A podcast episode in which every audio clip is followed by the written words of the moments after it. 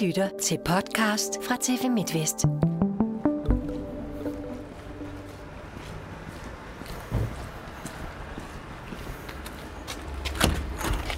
Jeg er på vej ind for at møde en mand, som havde en helt afgørende rolle i en af de vildeste kriminalhistorier, jeg har hørt om. Helt tilfældigt så faldt jeg over en artikel i en gammel avis, der handler om drabet på en mand, der blev kaldt Karl Skomar. Det er det drab, den her podcast handler om. Hej. Og så handler den også om, hvordan et sæt kunstige tænder får afgørende betydning for opklaringen.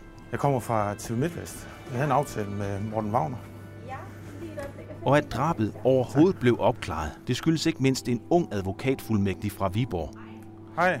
Det er ham, jeg er på vej ind for at tale med. Jamen, øh, kom en tur med ovenpå, så ser vi, om han er kommet. Tak skal du have.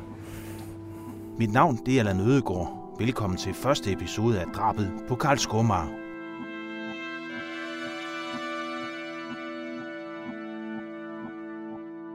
Hej, velkommen til. Hvor, I må, hvor er det, hvor vi skal sidde her? Vi kan sidde her. Morten Wagner er blevet 70 år, men det jeg skal tale med ham om foregik i 1976, da Wagner var en ung advokatfuldmægtig på 28 år og lige færdiguddannet fra Universitetet i København. Skal jeg lukke her? Ja. altså, jeg havnede i Viborg, fordi at øh, jeg var blevet færdig som kern jur, og jeg kunne ikke få job i København, og det var der, jeg kom fra. Og så tænkte jeg, så måtte jeg søge i provinsen, og så søgte jeg, i, øh, jeg tror, jeg søgte to jobs, et i Haderslev og et i Viborg, og jeg fik jobbet i Viborg. Og så rykkede jeg til Viborg øh, og ankom en kold januar morgen 1976, øh, hvor jeg startede som fuldmægtig. Wagner. Måske kan du huske ham fra P. Dahl Ove-sagen. Den handlede om fritidsmusikeren Ove Hansen fra Frederikshavn, som nåede at afzone syv år for drabet på sin hustru. Ham fik Morten Wagner frikendt ved et nævningeting. Nu er håret blevet hvidt. Det samme er overskægget. Men ellers er der ikke meget forandret ved den mand, som jeg bedst kender som stjerneadvokat fra medierne og en række spektakulære sager. Tilbage i 1976 var der ikke meget stjerne over den dengang unge Morten Wagner. At han overhovedet havnede i Viborg skyldes lidt af en tilfældighed, og at han ikke kunne få arbejde i København. Jeg fik en øh, elendig løn, og mit kontor var på størrelse med et kosteskab. Det var sådan, at, at øh, jeg havde et skrivebord, og så havde en stol, og hvis jeg skulle på stolen tilbage, så hamrede den ind i væggen bagved, så jeg skulle sådan kante mig ind. Nu var jeg noget slankere dengang, end jeg er nu, så, så, så det gik. Men, men, øh, og så fik jeg en utrolig lav løn. Ja, jeg fik 5.000 om måneden, og det, det var lavt. Hvor uerfaren var du dengang? Jeg vidste ikke noget om noget som helst. Altså, jeg anede ikke noget som helst om at være advokat, men, men jeg tænkte, at det var jeg. Jeg ville gerne være advokat, for jeg tænkte, det, det var nok det, jeg kunne bygge en, en fremtid på. Og jeg vidste ikke engang, hvordan en advokat så ud, og derfor så havde jeg, jeg kendte mig kun fra amerikanske film, og derfor så havde jeg investeret i en habit med vest, fordi jeg troede, at advokater de gik med habit og vest. Og det, og det virkede nærmest åndssvagt, da jeg kom til Viborg, ikke? Fordi, fordi jeg var sgu den eneste, der havde habit og vest på. Øh, så jeg, jeg stak sådan lidt ud, og så var jeg også københavner og talte københavnsk. så det det, var, det var en svær start. Så forestil jer det.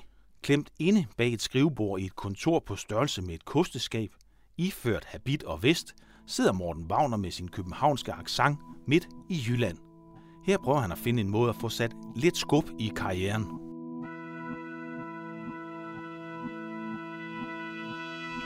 Og så i oktober 1976 sker det. Det, der ikke alene skal få afgørende betydning for Morten Wagners karriere som advokat, men også få afgørende betydning for, at politiet kommer på sporet af en 12 år gammel drabsag.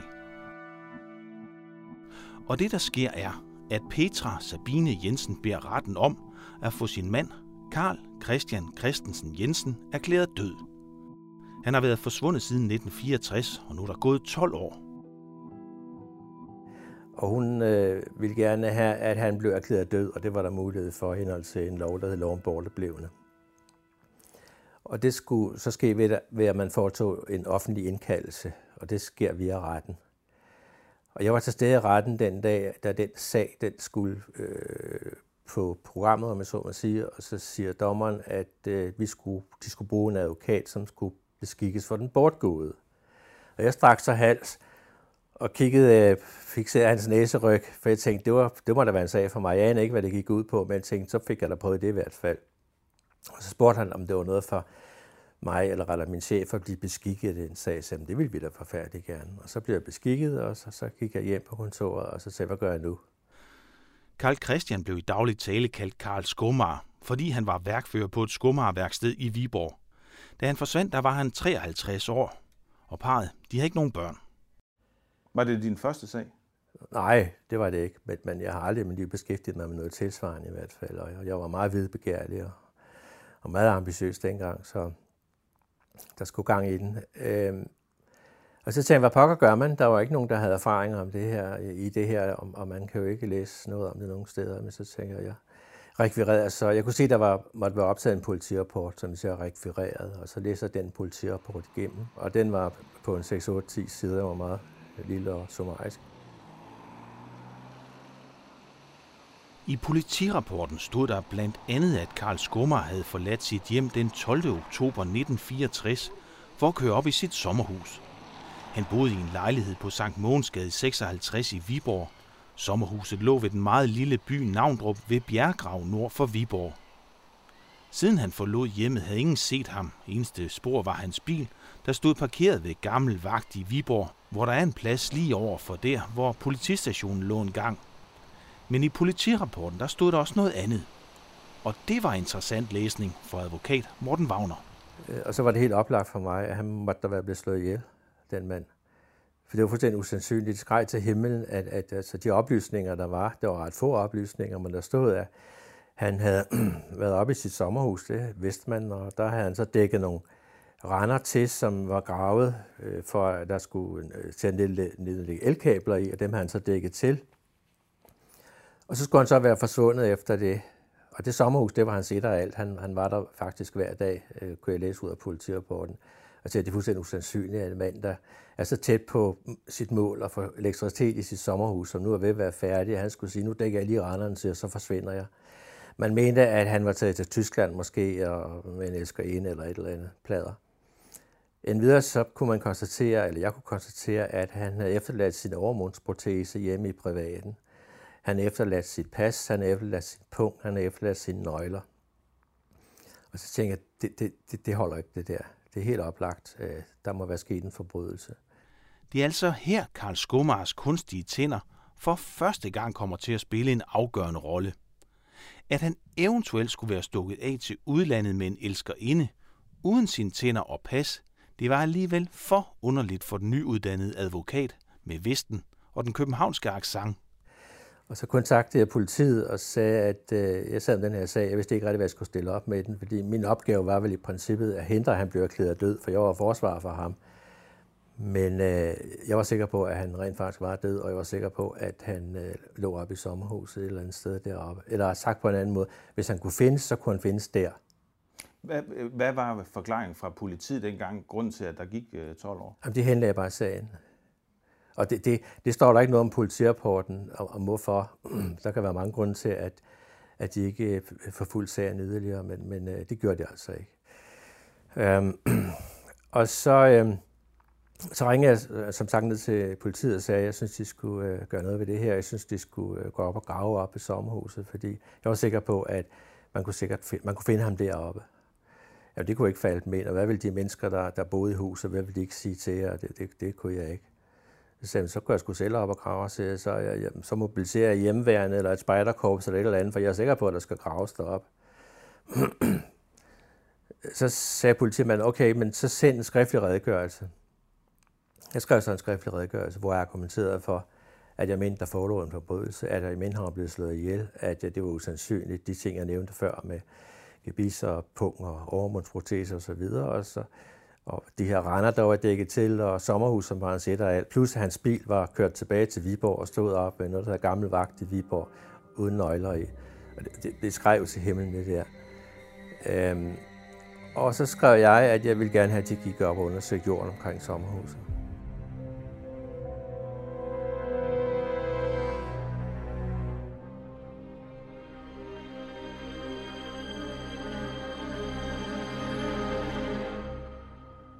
Vi forlader lige Morten Wagner for en stund. I 2012 omtalte TV2's politimagasin Station 2 drabet på Karl Skumar. I udsendelsen der er der en lokal politimand, der er med. Han hedder Tage Hornstrup. I dag er han pensionist, men han husker stadig tydeligt sagen om Karl Skomar. Det var jo et privilegium for mig som forholdsvis ung kriminalbetjent at komme med i sådan en sag, og så arbejde sammen med rejseholdet osv. Og, og det var jo en, en højst usædvanlig sag. Og det er kun én gang i sit liv, tror jeg, man kommer ud for sådan en sag. Så når jeg bliver spurgt, hvad den mest spændende og mest usædvanlige sag, jeg har været med i, så er det ubetinget Karl Skommer-sagen. Tage Hornstrup, han arbejdede for Kriminalpolitiet i Viborg, da advokat Morten Wagner skrev sit brev til politiet. Han vil gerne have dem til at genoptage sagen. Jamen, der sker jo det, at vi får en sag ned fra politimesteren, sammen med skrivelsen fra advokaten Morten Wagner. Og der øhm, øh, er vi så nogle stykker, der får lejlighed til at læse sagen fra 1964. Den havde vi jo ikke øh, set nogen af os. Og øh, vores chef han holder så et møde med os og vil høre vores mening om den. Og der blev vi så enige om, at der var en ting, der faldt os i øjnene, og det var, at Karl havde været ude og grave en rand til. Han havde fået lagt et elkabel ned fra, fra vejen af og så op til sommerhuset. Og øh, det, der ligesom stak i øjnene, det var, at kunne han, kunne han ligge der, hvis der var sket en forbrydelse. Sommerhuset i Navndrup havde skiftet ejer et par gange siden Karl Skumar forsvandt. Jamen, vi bliver så enige om, at øh, vi skal foretage en, øh, en øh, udgravning derude af det elkabel der, fordi øh, det var næsten for nærliggende, at han kunne ligge der, synes vi. Ud fra de øh, ting, Morten Wagner havde påpeget, at, at der kunne være sket en forbrydelse. Det var sådan set ikke, fordi der var noget nyt i sagen, kan man sige. Øh, Morten Wagner havde bare påpeget nogle ting i øh, de gamle politirapporter, som han fandt var mistænkelige. Og øh, det måtte vi jo give ham lidt ret i, at der kunne være nogle ting der. På den anden side set var der også mange andre muligheder. Han kunne også have begået selvmord, og der, han kunne være stået af, som man fabulerede om til udlandet. Ja, det var det, der sådan var teorien, eller hvad? Ja, det var nok teorien, dengang man henlagde sagen. Uh, det, det, det fik vi indtryk af. Uh, der havde jeg jo ikke kendskab til den i 1964. Men vi, uh, vi, var, vi var nødt til at skulle foretage de ting der, fordi jeg går med den tanke, at den kunne ligge i den uh, udgravning der. Det var ikke særlig rart. Så efter 12 år, hvor ingen har hørt en lyd til Karl Skumar, beslutter politiet så at undersøge sommerhuset og ikke mindst grunden. Så var der en rar politimand, der ringede til mig, og så sagde han, du får din viljevagner. Altså nok de. Jeg tror, om vi var de dengang. De får deres viljevagner. Vi går op og graver nu. Så det lyder nok spændende. Jeg har taget en tur til Navndrup. Det er vel lige knap, at man kan betegne den som en by. Der er kun tre ejendomme, og så er det sommerhus Karl Skummer engang ejede. Den største er Østergård, hvor Magnus Østergård og hans kone Emmy bor. Det er hende, der er ved at sætte vand over til kaffe. Over for gården ligger den tidligere vandmølle, og et stykke længere hen ad vejen endnu en ejendom. Og så lidt tilbagetrukket mellem møllen og den sidste ejendom, inde blandt de høje løvtræer og med en lille rislende bæk, der ligger sommerhuset. Sommerhuset det er sådan et i en vinkel. Det er lavet af træ, og brædderne de er malet brune. Vinduerne har hvide skodder, men de er vist mest til pynt. Mellem de to længere på sommerhuset er der en terrasse med fliser og en havedør. Indgang til sommerhuset er på den anden side. Udover at jeg gerne vil se sommerhuset, så har jeg også taget til Navndrup for at snakke med Magnus Østergaard. Han har overtaget gården fra sine forældre, men boede her også sammen med sin kone Emmy, da politiet pludselig troppede op. Jamen, det var jo i øh, den 22. november i 76. Fordi der var vi... Vi ved, fordi vi var på vej, vi skulle til fødselsdag med en af vores øh, venner. Og der om formanden, så kommer der sådan en, en bil ud, og så sagde jeg, nok, det er, det er politiet, det der. Det var to kriminalbetjente. Og de kom jo ind og spørger om, hun kan det der Karl Skummers sommerhus, det lå hen. Jamen, det kunne vi da vise dem hen til. Det var jo der han lige hen på den anden side af bækken der. Så blev jeg snakket om mere der jo. Karl Skummer, han købte grunden, hvor sommerhuset ligger i begyndelsen af 60'erne. Den blev udstykket på den ejendom derhen. Og det var, der, der var det bare, et, der havde været dyrket med korn. Og, så han, øh, de første to år, han var der, var han ude, der havde han kamplet med herude, og, de, og han og konen var også med herude, de boede ude. Og så plantede han noget træer og noget derhen. Og der, han var der sådan en, øhm, jamen han var en frisk, altså vi fik der en øl, når vi kom hen og snakkede med ham. Og, vi skulle selvfølgelig høre, hvad det var for en fyr, der kunne finde på at købe sådan en, en grund herude. Og så vi fik der en øl og snakkede ganske almindeligt. Hvad, hvad fortalte han om, hvorfor han købte en grund herude? Jamen det var for, at han have sådan et fristed. Og, og han var falden på den der. Der var jo bæ- bækken, der løb der lige ved siden her. Og, så det var, det var hans begrundelse for. Var det noget, han var glad for? Har du Ja. indtryk af det? Eller? Ja, det har jeg indtryk af. Han var rigtig glad for, for stedet. Og det har han også været, når han startede med at bygge det der hus. Jo. Det var altså et sommerhus, som Karl Skummer var rigtig glad for, og han kom der rigtig tit. Altså lige indtil den dag, han ikke kom mere overhovedet. Det sidste, der var sket, var, at den rende, der var blevet gravet til et elkabel, den var pludselig fyldt op, og det satte gang i snakken i den lille by. Indkørslen, den var blevet dækket til i løbet af natten, der fra den, den 12. Øh, til den 13. der i, øh, i 64. Og så der har vi altid sagt, at han, der lever skumageren. Det var, det var sådan en, en snak, vi havde herude. Nå, altså lokalt her? Lokalt, ja, altså med, min- med min far og mor, og, og så, så også til Emmy, dengang hun kom ud der, eller igen begravet der, han, det skulle regne med. Hvor, hvorfor var I så overbevist om det? Jamen, det var fordi, at da han forsvandt i, øh, i, øh, i 64, der var de øh, politiet godt nok ude og afhøre min far og mor. Og så skete det jo mere. At der, vi, der, vi hørte mere til sagen. Og det var sådan ligesom, det var lidt underligt, at for vi vidste, at han havde været derude om aftenen der, og, eller, og, og havde arbejdet derhen.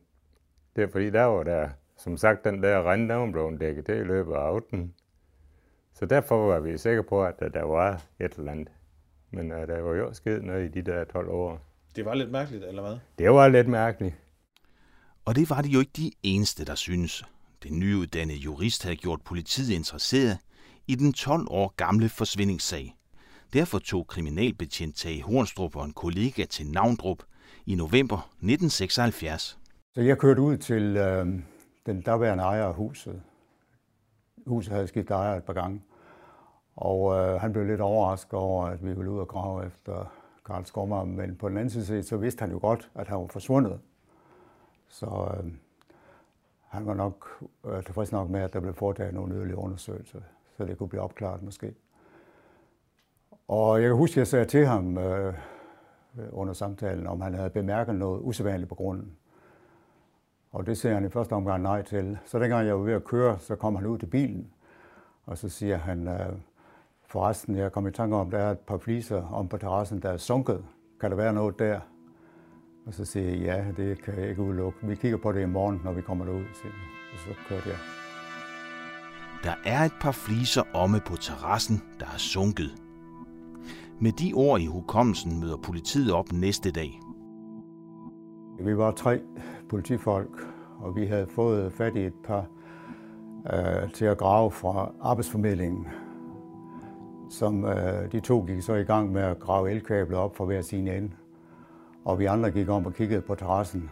Og det er rigtigt nok, der var sunget et par fliser, men det ser man jo så mange gange. Men, men vi øh, fjernede fliserne i en firkant der, og så begyndte at grave.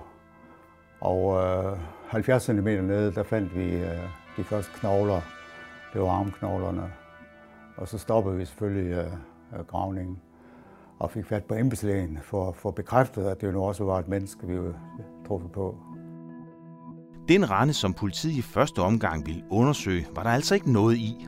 Men under fliserne på terrassen i Karl Skomars eget sommerhus, der stødte de på noget, der ved første øjekast kunne ligne et menneske. Men var det Karl Skomar, og hvis det var, hvad var der så sket med ham? Det var så første episode af den her podcast om drabet på Karl Skomar. Mit navn er Allan Ødegård. Det hele er lavet i samarbejde med Michael Andersen og produceret af TV MidtVest. Tak fordi du lyttede med.